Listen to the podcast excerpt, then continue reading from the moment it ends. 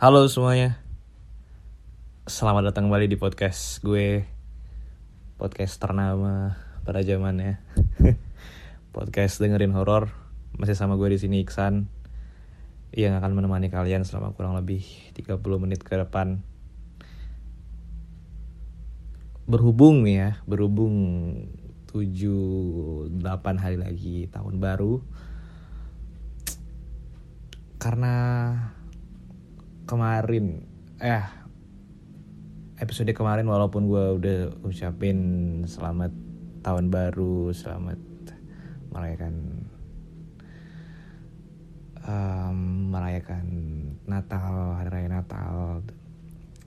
Gue mau ngucapin lagi nih buat teman-teman yang non muslim terkhusus yang umat Kristiani Selamat merayakan hari, hari raya Natal dan tahun baru. Ya disiapin aja lah kado Natalannya buat sepupu lu. I mean buat ponakan lu. Kalau kami yang muslim ya masih ada waktu buat nyiapin uang amplop ya. Apa namanya? Uang buat ponakan lebaran nanti. Berapa hari lagi sih? Tiga berapa bulan? Tiga empat bulan lagi lah. Kalau lu kan seharusnya udah siap dong ya buat ponakan nanti pas hari raya Natal. Oke, okay, um, jadi kita bakal lanjutin episode kemarin, episode terakhir. Semoga gue sampai habis bacainnya karena agung banget tahun baru akhir tahun. Kayak nggak afdol aja rasanya kalau nggak habis ya kan? Jadi penutup aja. Oke kemarin sampai di um, penulisnya bilang gini kita makan nggak usah jauh-jauh ya. Sekitaran sini aja sambil jalan-jalan ucapku. Sesampainya di kedai makan itu, kami mulai mempertanyakan hotel tersebut pada Stella. udah kita cobain aja sampai besok. Kalau emang ada apa-apa atau kenapa-kenapa besok kita pindah hotel aja. Gampang kan? Lagi pula murah kok itu. Kalau emang nggak kenapa-kenapa nanti pagi kita renang di rooftopnya, oke? Okay? Ucap Stella meyakinkan kami. Ya udah, makan aja dulu, terus tidur. Lanjut Stella. Kemudian gak lebih dari satu jam kami selesai makan malam yang kemalaman Lalu kami pulang ke hotel. Di perjalanan menuju hotel, suasana sudah mulai sepi. Hanya ada beberapa motor yang melintas. Suasana jalan Braga mulai terasa dingin dan sunyi. Kami berempat sering saling diam, membisu, tanpa ada sepatah kata atau candaan dari Stella. Terus Alvina tiba-tiba nanya, Kalian sebelum berangkat ke sini ngerasa aneh gak? Terus Priska jawab dengan tatapan kosong. Iya, aku ngerasain. Hah? Dalam hatiku kaget. Kami semua kaget. Jangan-jangan Jangan-jangan jangan. Jangan cerita di sini. Kita lagi jauh dari rumah. Nanti aja kalau nanti aja ya kalau udah pulang. Sekarang kita istirahat aja. Potong Alvina dengan tergesa-gesa. Ya udah kita istirahat aja di kamar. Nanti kita tidur karena udah malam banget nih. Ucapku. Terus sambil berjalan ke arah hotel, aku mulai menenangkan temanku yang terlihat cemas. Entah ada hubungannya atau tidak kejadian seminggu yang lalu itu dengan hotel ini, aku pun cemas, namun harus terlihat tenang. Dari raut wajah Stella terlihat dia masih tak percaya hotel pilihannya menjadi pengalaman kami yang tak terlupakan ini. Dan Stella adalah orang yang paling antusias di antara kami berempat dalam liburan ini. Terus aku ngajak teman-temanku buat sholat isya berjamaah. Nanti kita sholat isya berjamaah aja ya, bawa alat sholat kan. Terus Priska jawab, Aduh, aku lupa bawa mukena. sambil menutup wajahnya dengan kedua tangan. Terus Stella balas lagi. Stella jawab, gue juga lupa Pris. Nanti coba pinjem resepsionis aja ya. Nanti gue yang ngomong. Terus kami pun bergegas kembali menuju hotel. Penerangan terlihat dari luar semakin redup. Hanya lampu-lampu gantung dan lampu utama ruang resepsionis saja yang terlihat terang. Sisanya dire sisanya diredupkan. Kulihat sekeliling sekitar hotel, redupnya nggak jauh beda, tapi hotel kami paling redup. Kesan bangunan di Jalan Braga menambah kengerian pada malam itu. Semua gedung nampak sepi, sebagian gelap gulita. Aku kembali cemas. Udah, ayo ngapain celinguk-celinguk, ucap Stella sambil menarik lenganku. Kami pun kembali sampai di lobi hotel disambut senyum dingin dari satpam dan resepsionis. Permisi kak, apa boleh pinjam alat sholat? Ucap Stella kepada resepsionis. Aku dan yang lain menunggu di koridor arah lift. Entah apa maksud resepsionis itu ketika melirik kami bertiga, Padahal Stella sedang berada di hadapannya. Lirikannya pun tajam di ekor mata. Jadi pas Stella nanya ada alat sholat gak si resepsionisnya sambil ngelirik gitu. Kayak sinis gitu. Tau sih? Kayak dia tuh ngeliatin teman-temannya si Stella nih di depan koridor lift. Tatapannya sinis gitu. Terus dibalas lah sama resepsionisnya. Dia bilang gini saya non muslim kak. Coba cari di musola. Setelah lift nanti lurus lagi. Apa perlu saya antar kak? Lanjut resepsionisnya. Kami pun berjalan mencari ruangan yang dimaksud. Ini ya ucapku. Ruangan kaca dengan lampu padam barang di dalamnya tertata rapi namun bau musola ini berbeda dengan ruangan lainnya.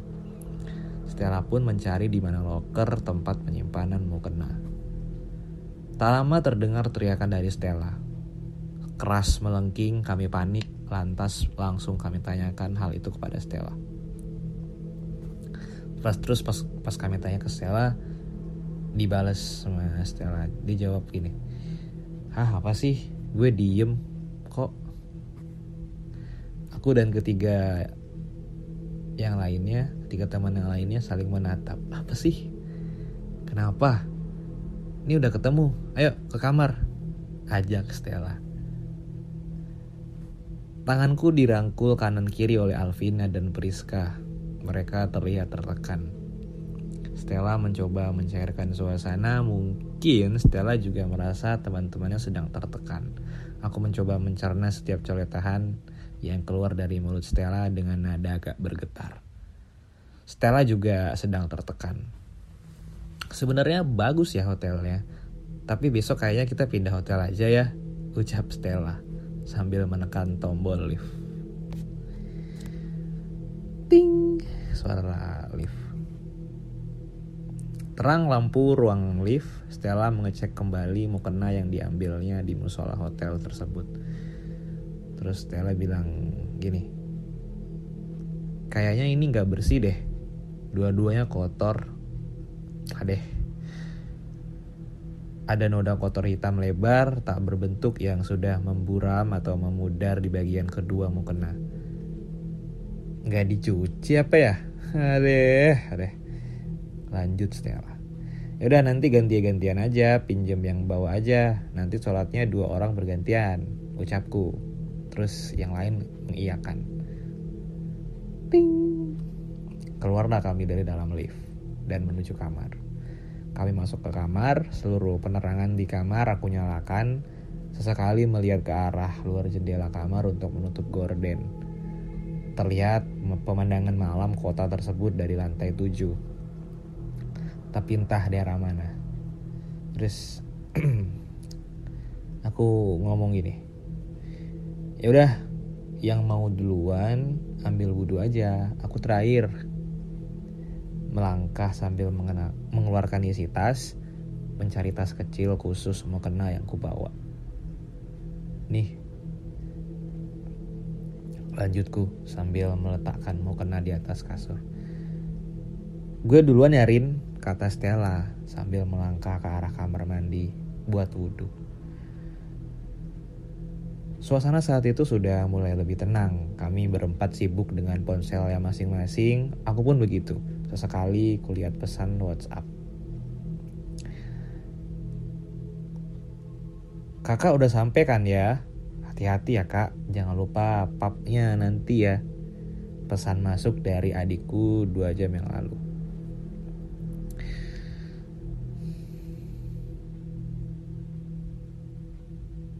Terus kemudian aku abaikan pesan dari adikku dan panggilan tak terjawab darinya satu jam yang lalu. Mungkin ibuku, batinku. Ya udahlah ya. Udah malam juga, mau telepon nanti malah ganggu. Besok aja sekalian. Kami mulai melaksanakan sholat secara bergantian, kurang lebih setengah jam kami masih pada layar ponsel kami masing-masing scroll TikTok, Instagram Story. Kulihat dari akun-akun yang mereka miliki, mereka tak ada yang berniat untuk mempublish liburan kali ini. Aku pun begitu. Salah satu dari kami tertawa begitu pecah, terasa tanpa beban. Kami bertiga kaget. Sialan, kaget gue. Kata Stella, dengan nada tinggi pada Alvina. Nih nih lihat nih lucu banget. Jawab Alvina sambil menjulurkan ponsel miliknya kepada kami bertiga. Lantas kami berempat tertawa bersama seakan lupa akan kejadian yang telah berlalu. Walau ada masih ada raut kaku cemas dari mereka bertiga, aku mulai ikut menikmati momen. Kemudian tak lebih dari satu jam kami tertawa bersama membincangkan ini itu di luar kemisteriusan yang telah terjadi sebelumnya. Salah satu dari kami mulai melayangkan pertanyaan yang membuat suasana berubah drastis 180 derajat.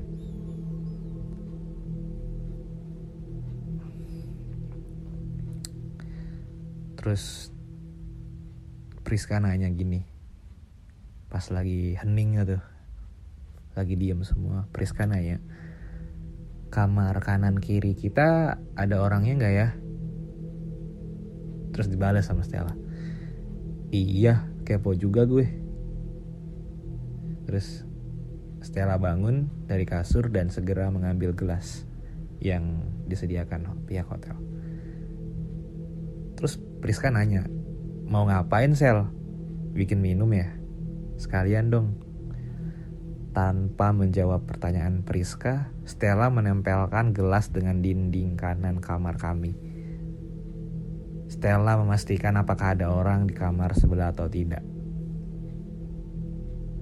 Aneh-aneh aja nih orang, heran ucapku. Oh, jadi si Stella ini ya mau dengar kamar sebelah pakai gelas ditempelin ke dinding. Tai gue merinding saat Terus Stella terdiam sejenak, lalu terpental dari dinding tersebut. Anjir, ucap Stella. Kenapa sih? Ngagetin aja, ucap Alvina sambil mengerutkan dahinya. Ternyata Stella pun kaget dengan apa yang dia dengar di balik dinding kamar kami. Tadi tuh I, ini jawab Stella sambil terbata-bata. Tadi tuh gue nggak dengar apa-apa. Gak lama ada suara televisi kenceng banget, nget nget. Jawab Stella dengan wajah yang shock. Itu lagi ini kali. Hah. Ujar Priska sambil tersenyum. Alhasil kami semua pun ikut tertawa, tapi masih ada raut takut dari wajah Stella yang saat ku pandang dia. Situasi kembali mencair tapi mataku terfokus pada mukena yang tadi diambil Stella di musola hotel ini. Itu mukenanya mau dibalikin gak woi? Tanyaku pada mereka. Balikin aja, nanti subuhan kita kayak tadi lagi aja gantian, jawab Alvina. Balikin besok aja ya, ucap Stella. Kami pun bersiap untuk istirahat mengatur posisi pada kasur. Terus Alvina nanya kepadaku, Rin, kamu tidur nggak? Iya, nanti nyusul. Duluan aja, jawab aku, singkat. Kulihat mereka sebagian sudah terpejam, mungkin kelelahan, tapi Stella masih menghadap ponsel miliknya, scroll TikTok. Terus gue nanya ke Stella, kenapa nggak tidur, Stel? Gak capek lu? Gak tahu deh Rin. Jawabnya lemas. Terus dia nanya, Rin, gue mau nanya sambil memastikan yang lain udah tidur. Iya, tanya apa? Jawabku. Lu ngerasa nggak ada yang aneh sama hotel ini? Sorry ya sebelumnya gue yang rekomendasiin ini ke kalian, gue jadi ngerasa nggak enak, ngerasa ngerusak liburan kalian, ucap Stella. Ya udah nggak usah dipikirin, besok kita pindah juga kan, udah tidur sana Stel. Udah tidur sana, jawabku. Terus Stella menutup ponselnya dan menarik selimut sampai ke telinga. Tinggal hanya aku yang masih terjaga. Beranjak mematikan lampu ruangan dekat pintu masuk menyisakan lampu pinggir kasur aja. Aku kembali naik ke atas kasur dan segera menyelesaikan skin keranku. Jam menunjukkan pukul 2 lewat 15 menit Tuntas sudah acara skincareku, lalu aku beranjak tidur, aku tarik selimut. Terus aku mengucap dalam hati. Apa nih? Seperti ada yang mengganjal di kakiku saat aku meregangkan kaki. Seperti kain tapi bukan bagian dari selimut atau kasur. Ku tarik dengan sela-sela jariku, terasa panjang kain ini. Mau kena Ucapku tak bersuara. Aku pun kaget. Bagaimana bisa? Siapa yang memindahkan dari meja ke dalam selimut? Lantas ku tarik sampai semua bagian mukena keluar dari dalam selimut. Aku beranjak dari kasur, meletakkannya lagi ke atas meja. Bener aja, hanya ada satu. Harusnya dua. Terus dalam hati aku, hah udahlah terserah, aku capek. Terus pas balik jalan ke arah kasur ke arah kasur sambil menggenggam tumbler pek langkahku terhenti oleh suara yang entah dari mana asalnya. Ku bergegas meloncat ke atas kasur lalu menutup wajahku dengan selimut terus tiba-tiba Alvina nanya dibangun gara-gara loncatanku tadi. Dia nanya kenapa sih Rin? Nggak apa-apa nggak apa-apa Vi. Entah setelah itu Alvina kembali tidur lagi atau tidak aku sudah tidak mendengar lagi suaranya. Sejenak aku pejam aku pejamkan mata dari rasa lelah seharian. Tiba-tiba dalam pejamku aku tak asing dengan suara dering ini ternyata alarm ponselku bunyi Seketika jantungku berdegup tak beraturan. Aku gak merasa membuat alarm jam segini. Kenapa tiba-tiba ada alarm jam segini? Dalam hati aku, apalagi ini ya Allah. Terus jam menunjukkan pukul 3 lebih 7 pagi. Siapa yang membuat alarm dengan jam ganjil ini?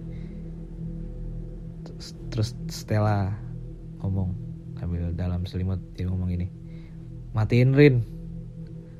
Gue nanya sama Stella lu belum tidur? Ternyata Stella terjaga sepanjang aku tertidur barusan. Apa yang membuatnya terjaga? Tanya aku dalam hati. Terus Priska buka selimutnya. Hah, panas banget ya? Panas beraga Hotel bintang 4 AC 20 derajat dia bilang panas. Terus Alvina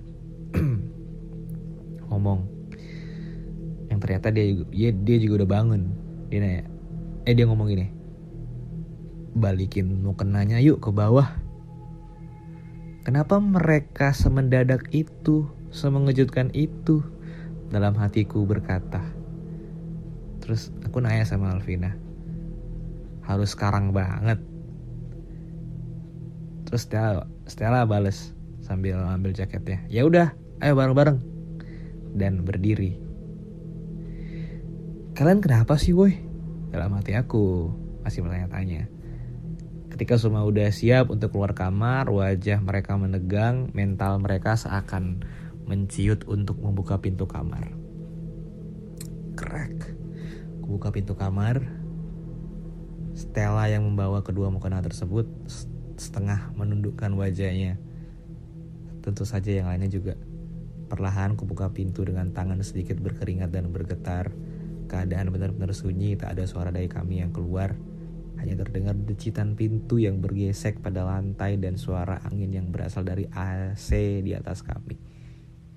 Semerbak bau aroma terapi mulai masuk ke dalam kamar walau pintu baru dibuka sekitar setengah jengkal. Tanganku masih tanganku makin gemetar Langsung saja kubuka pintu selebar-lebarnya dengan cepat. Dak. Detak jantung terasa lepas. Kami berempat melepaskan nafas tenang secara bersamaan.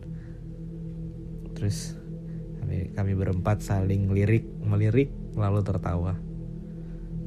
Entah apa yang sedang kami tertawakan, yang jelas kebodohan kami yang kami tertawakan. Udah coba tolong biasa aja ya. Kita bersikap biasa aja. Kita ini berempat. Kita ini kan berani semua. Coba tenang ya. Bersikap biasa aja. Ucap Stella kepada kami bertiga. Dalam hatiku berkata, Lo kan juga kicep nyet.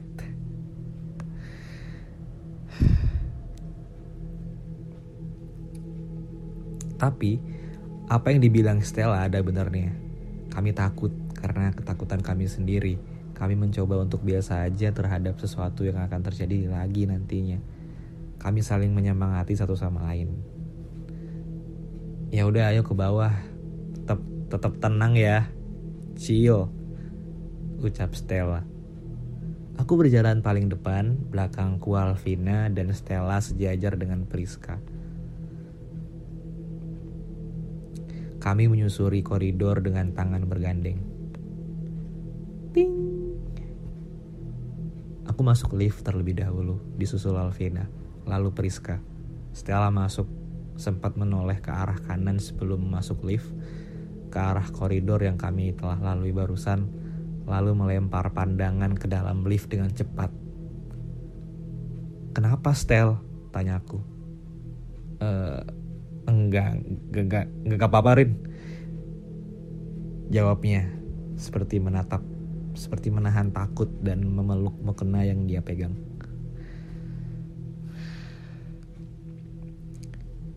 ting pintu lift terbuka perlahan kami melangkah keluar lift lampu kori lampu koridor lobby redup jadi lampu koridor kayak di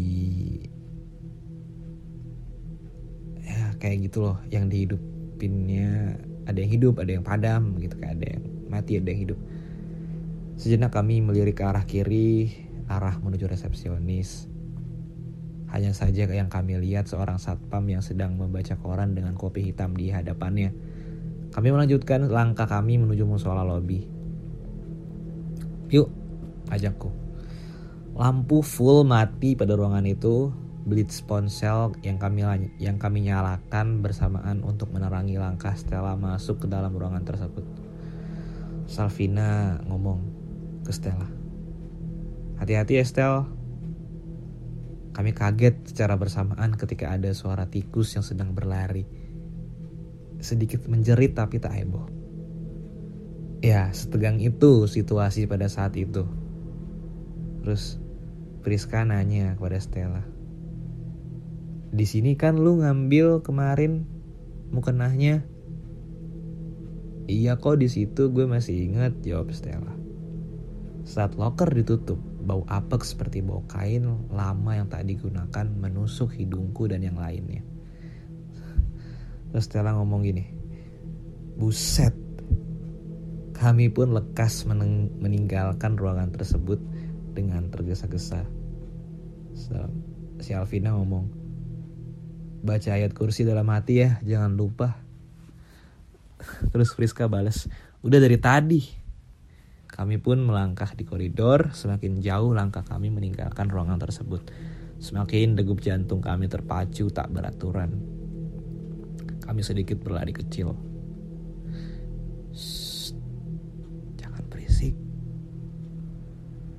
Ucap satpam dari ujung koridor, tepatnya di kursi tunggu lobi dengan wajah datar. Kami mengacuhkan himbauan dari satpam tersebut lalu menekan tombol lift. Ting. Lift terbuka, kami tekan angka 7 tombol lift. Lift pun tertutup, sedikit agak tenang. Kami menghela nafas bersamaan untuk kesekian kalinya. Kami menunggu lift untuk berhenti, namun saat kami lihat layar lantai pada saat pada atas pintu lift, Lift tetap melaju melewati lantai yang kami tuju. Beberapa hotel mungkin ada angka yang dihilangkan, entah 4 atau 13. Tapi itu kami berhenti di lantai 10, tepatnya rooftop pada hotel tersebut. Anjing, gue berinding bangsat bacanya. sorry, sorry. Gue gue lagi bayangin soalnya kayak lu tuh tengah malam nih ya. Subuh lah subuh. Kondisi sepi nih. Lu lagi buru-buru lagi lagi tegang banget nih ya. Mau balik naik lift. Udah lu udah, lu tuh udah pencet angka 7 nih. Yang seharusnya berhenti di angka 7 di lantai 7 yang ternyata naik lantai 10 men kayak what's going on Terus hawa dingin mulai menusuk ke dalam lift. Kurasa ini udara luar dari kota ini. Kami berempat mencoba tetap tenang seperti apa yang diucap Stella sebelumnya. Ya mungkin ada kesalahan sistem dari tombol liftnya. Kami bisa tekan lagi setelah lift berhenti. Ting. Here we go again. Celetuk Stella. Pintu lift terbuka. Benar saja kami berada di lantai paling atas dari hotel tersebut. Terus pas kami mau nekan tombol lift untuk turun ke lantai 7. Stella ngomong gini. Tunggu. Aku nggak tahu apa yang diinginkan Stella. Stella berlagak seperti sedang dalam keadaan tidak ketakutan sama sekali. Terus dia bilang gini. Wih, Keren ya guys pemandangannya. Di dalam hatiku. Eh Stel, sini masuk, ayo turun, ucap Priska. Stella mengajak Priska untuk keluar dari dalam lift. Priska menarik tanganku, Alvina merangkul lenganku, dan kami pun keluar lift. Pintu lift tertutup, terlihat dari layar lantai. Lift kembali menuju ke bawah. Terus gue nanya ke Stella, Lu kenapa sih Stel? Oh mungkin ini yang dibilang Stella soal tenang dan biasa aja. Tapi aku gak bisa, aku tetap cemas.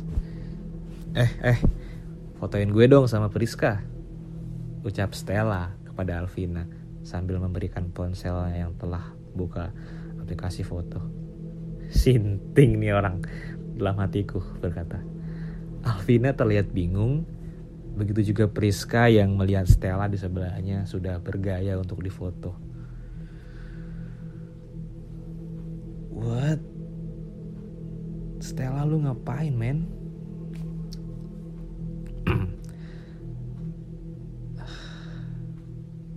di sini benar-benar sunyi. Kulihat sekitar ada satu dari banyak sudut ruangan yang dekorasinya ditutupi kain warna putih. Ada kursi, meja, patung, dan beberapa lukisan. Kualihkan pandangan, agak merinding, aku melihat kain putih itu Ya aku tahu itu hanya menutup dekorasi dari debu. Berarti lantai ini kan jarang dikunjungi para pengunjung hotel. Tanya aku dalam hati. Stella masih sibuk dengan foto-fotonya. Kulihat jam semakin seakan berjalan lambat. Baru sekitar 10 menit semenjak kami keluar dari kamar. Ah lama sekali aku menunggu, menunggu azan subuh berkumandang. Setidaknya aku akan merasa lebih tenang. Terus Stella manggil aku. Sini, foto bareng Rin. Aku menoleh ke arah Stella. Kerasukan setan apa ini dia dalam hatiku. Aku menuruti permintaan Stella, kami mencari sanggaan untuk meletakkan ponsel dengan metode timer. Terus Alpina ngomong, pakai meja aja udah, ini angkat, ayo. Semua terbawa arus Stella, begitupun aku. Seakan kami benar-benar sedang menikmati liburan ini. Sorot lampu utama tak begitu terang, namun cahaya bulan saat itu membantu menerangi setiap sudut rooftop hotel tersebut. Kami mulai menelusuri seluruh ruangan rooftop bersama-sama. Stella sudah tak seheboh tadi.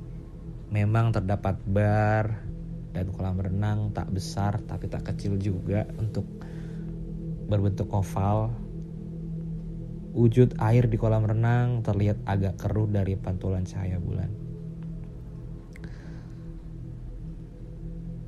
Terus tiba-tiba Stella ngampiri kolam renang. Terus gue nanya sama dia. Lu ngapain Stel? Gak usah aneh-aneh lu. Enggak, lu diem dulu, kata Stella. Stella menyentuh permukaan air kolam. Airnya licin ya, kayak udah lumutan kata Stella. Berarti airnya udah lama gak diganti. Lanjutnya. Terus Priska nanya, Priska ngomong, ngajak buat turun. Ya udah ayo turun. Terus Stella bales lagi. Bentar. Dia ngomong bentar sambil mengarahkan pandangannya pada bar di sekitar kolam renang. Terus gue ngomong sama Stella sambil narik tangannya. Udah gak usah, ayo turun.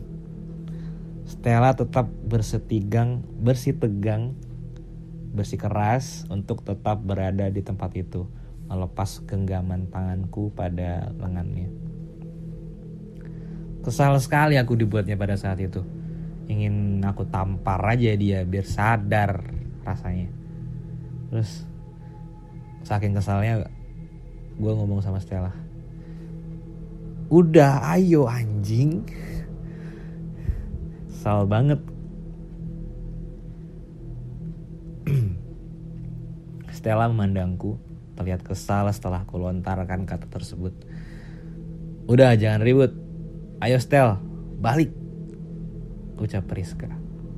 Alvina hanya terdiam melihat kami bertengkar. Sekali mengajak Stella untuk turun. Kalian kenapa sih? Lu lihat itu, barnya rame. Seru. Ayo gabung, kata Stella. Seketika suasana mencekam kami rasakan setelah Stella mengucapkan kalimat tersebut. Seakan-akan seluruh titik memiliki mata dan tertuju kepada kami. Ayo, Stella. Ini bulu bulu kaki gue merinding bro. Serius dah. Cepat masuk lift, ucapku pada mereka sambil berlari ke arah lift. Ini gue sambil narik tangannya Stella tuh. Suasana pada saat itu benar-benar sangat tak terlupakan. Baru kali ini aku merasa seperti Blackpink yang sedang konser dipandang sejuta mata. Ping! Pintu lift terbuka. Lekas kami masuk, lalu kutekan tombol lantai tujuan kami yang menyala justru lantai menuju lobi hotel tersebut. Stella memandangku dengan tatapan tajamnya. Entah dia itu siapa. Yang kuyakini dia tetap Stella. Istighfar lu Stel. Mau mati lu di sini ha? Istighfar, ucapku pada Stella. Priska mencoba menenangkan Stella sambil menangis. Begitupun Alvina yang menenangkanku. Udah, jangan berantem di sini. Yang penting kita pulang dulu. Kita pulang hari ini aja, nanti pagi. Ucap Alvina. Gak, Kita pulang sebelum subuh. Jawabku, membentak Alvina. Emosiku mulai meluap-luap pada teman-temanku. Ting. Pintu lift terbuka, emosiku sudah menguasaiku. Berjalan cepat, aku ke arah lobi, ku tinggalkan ketiga temanku di depan pintu lift. Aku menuju meja, meja resepsionis. Aku nanya ke, ke resepsionis. Kak, ini hotel apa? Saat itu satpam yang sedang tidak berada di lobi, jadi yang kutemukan hanya petugas resepsionisnya aja. Kakak kenapa? Tanya resepsionis kepada aku. Aku jelaskanlah kejadian yang telah terjadi padaku dan teman-temanku. Bangsat gue, gue merinding saat. Kak, lantai menuju rooftop telah kami tutup. Jawabnya. Jalan menuju, menuju rooftop hanya bisa dilalui lewat tangga darurat saja. Lanjutnya. Hotel gak beres. Ujarku membentak ya. Terlihat resepsionis tersebut sedikit tersenyum seinis padaku. Seketika aku berlalu menghampiri temanku di depan lift. Men, gue... Oke, sabar.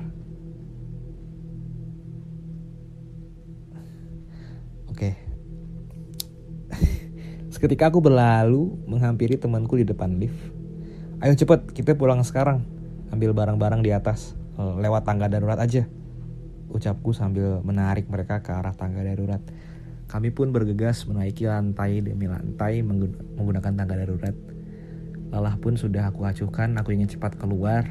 Sampai di kamar kami mulai berkemas untuk segera keluar dari hotel ini. Cepat jangan lama-lama, ucapku pada ketiga temanku. Ketika ketika semua sudah siap, suara yang kudengar saat meletakkan mukena di meja terdengar lagi. Kali ini dua kali. Bek, bek. Semua merasa mendengarnya. Kami bergegas berlari ke arah tangga darurat menuju ke bawah, basement tujuan kami, tempat parkir kendaraan kami gunakan saat itu. Tapi sialnya, jalan satu-satunya yang menuju basement hanya lewat samping lobi, tempat awal kita masuk hotel ini. Lari, jangan berhenti. Nanti duluan aja ke mobil. Stella nanti setir duluan. Ucapku pada ketiga temanku. Terus Stella jawab, Lu mau ke mana?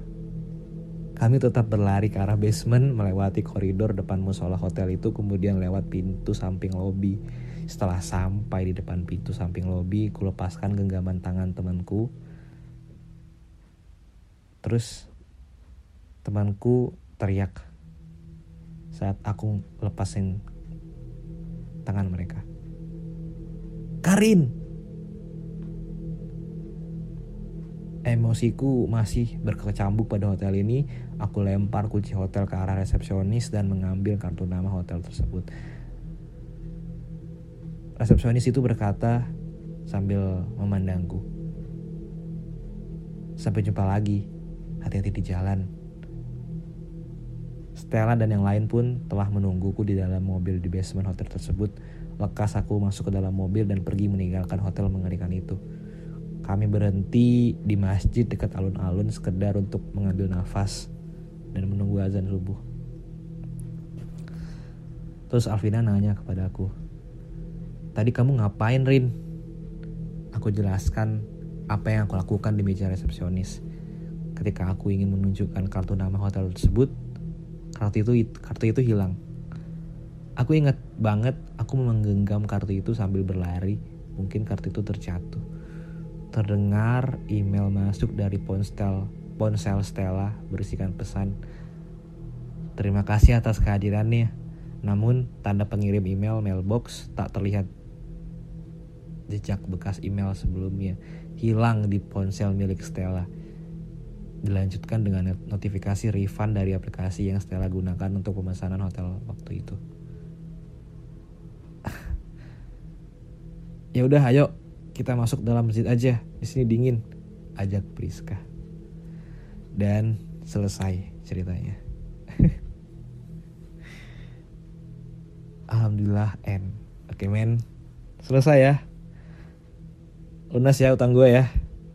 40 menit selesai men. Oke okay, itu episode penutup buat tahun 2023 gue Iksan. Sampai jumpa lagi di episode berikutnya which is tahun 2024 Oke okay, gue Iksan. Gue mengucapkan terima kasih banyak atas atas dedikasinya atas waktunya karena telah mendengarkan podcast gue podcast dengerin horor. Oke? Okay? itu aja ya. Bye bye